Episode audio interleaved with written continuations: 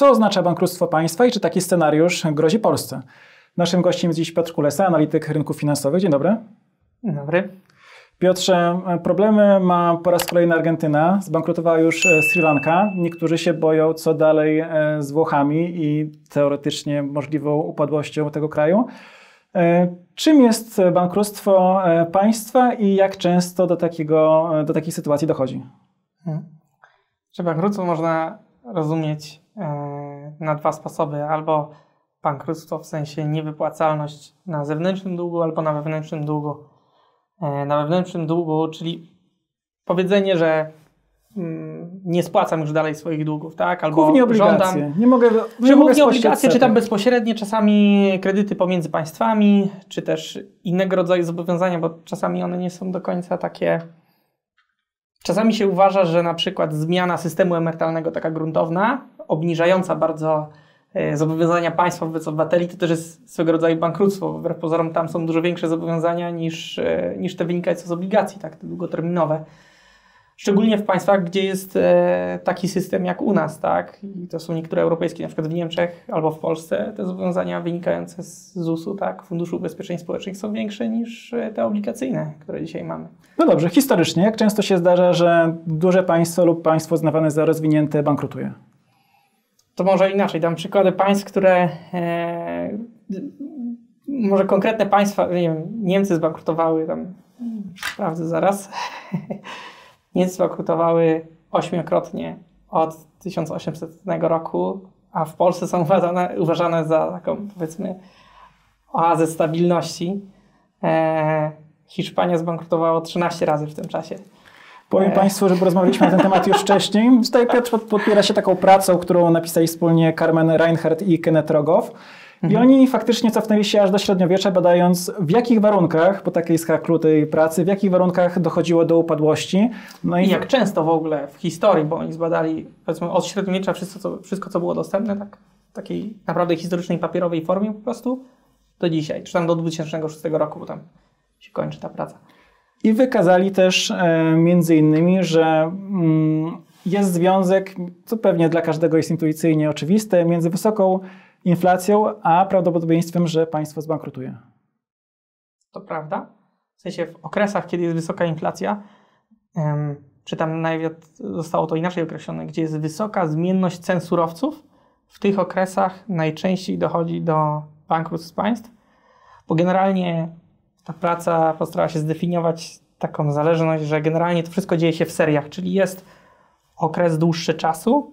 Generalnie tytułem tej pracy jest mm, tym razem będzie inaczej, tak można przetłumaczyć ten tytuł, tak?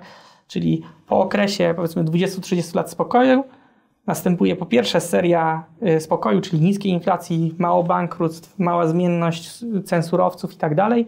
Nagle przychodzi okres wysokiej inflacji, mówimy tu na całym świecie relatywnie, czy tam tym znanym świecie wtedy, jeśli chodzi o bardziej historyczny okres, e, gdzie jest dużo bankructw, gdzie jest e, duża zmienność po prostu, tak?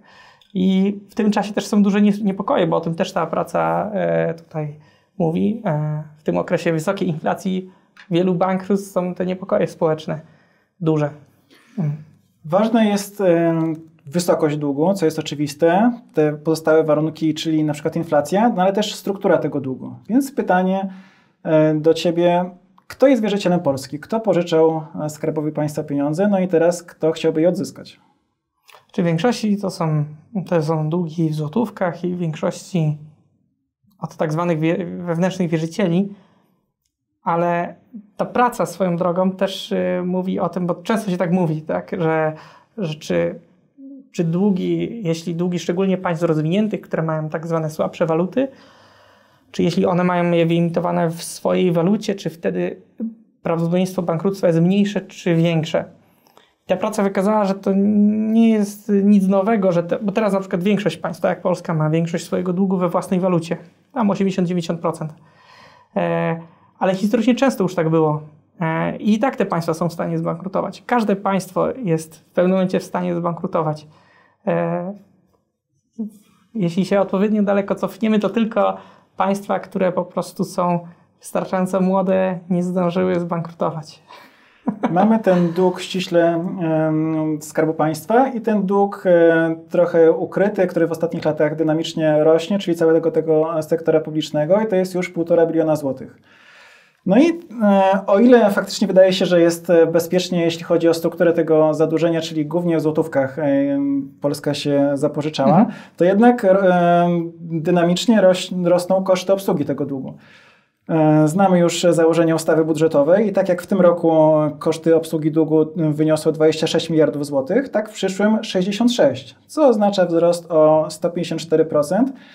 Najbardziej zaskakuje statystyka, że w przyszłym roku na spłatę zadłużenia e, zostanie wydane 10% budżetu państwa. Mhm. Czy to już są powody, żeby się martwić? E, właśnie nie, bo ta praca też mówi o czymś innym, że kluczowe w sumie dla wypłacalności państw e, jest nie, nie wysokość odsetek mm, tak naprawdę, a to, czy jest napływ zewnętrzny, czy jest odpływ, czy napływ kapitału do danego państwa bo to nie jest nic tak naprawdę nowego. Nam się wydaje, że to jest teraz coś całkiem nowego, że są takie przepływy między państwami, ale największe zagrożenie nie jest w wysokości odsetek, bo teraz płacimy 60 miliardów odsetek, tak, zapłacimy w następnym roku, ale cały dług ma e, 1500 miliardów. I a średni okres, na który zaciągnięto ten dług, to jest 7 lat.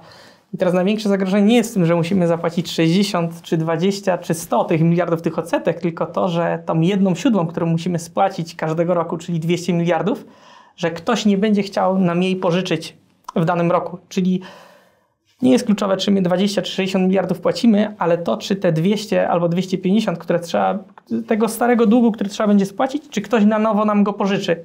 Więc w momencie, kiedy jakieś państwo może nie mieć wcale tak dużego długu, ale nie ma nowych inwestorów albo ci starzy nie chcą przedłużyć tych starych pożyczek, kredytów, to wtedy państwa tak naprawdę bankrutują, a nie wtedy, e, kiedy mają wysokie odsetki. Oczywiście im wyższe odsetki, tym szybciej można się doprowadzić do takiego momentu, że nie będzie tych chętnych, ale po przykład e, krajów azjatyckich z 97, tam był taki kryzys, e, prawda, azjatycki 97-98, te państwa nie miały dużego zadłużenia zewnętrznego, a i tak niektóre zbankrutowały, dlatego że nagle był bardzo duży odpływ od tych państw i one nie były w stanie na nowo pożyczyć. Nawet relatywnie wydawało się małych kwot jak na te państwa.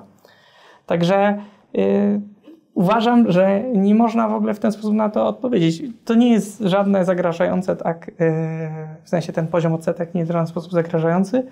Kluczowe jest to, czy ktoś na nowo będzie chciał pożyczać. Bo ciekawe jest też to, myślę, że widzów może to zaskoczyć, że jeśli chodzi o obligacje detaliczne, które mhm. ludzie kupują, żeby teraz głównie ze względu na wysoką inflację, czyli na przykład EDO, że to jest bardzo niewielka część tego długu i tak naprawdę Polska się zadłuża głównie w instytucjach, w szczególności polskich bankach. Mhm. Tak, i większość długu jest generalnie emitowana na stałym oprocentowaniu. Zresztą na całym świecie jest tak.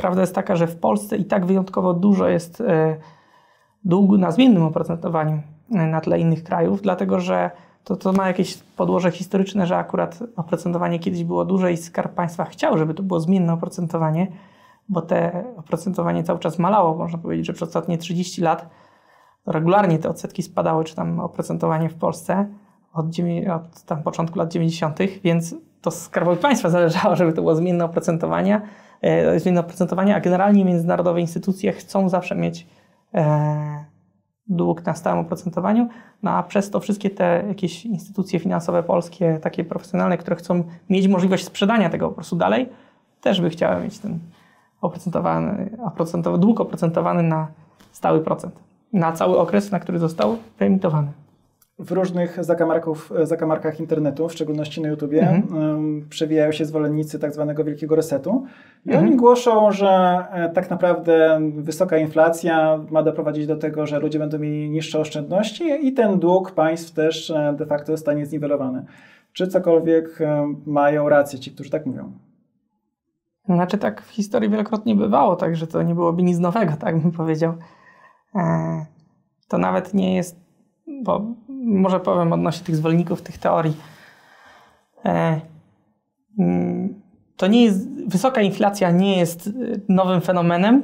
Nawet w czasach e, bitej monety dało się zrobić bardzo wysoką inflację, jeśli państwo było odpowiednio zdeterminowane do tego, żeby nie oddać pieniędzy wierzycielom, czy tam po prostu zdewaluować swój dług. Także gdyby, bo, bo ja wiem, że ta teoria tego wielkiego resetu jest taka, że tam ludzie wszyscy stracą już na trwale.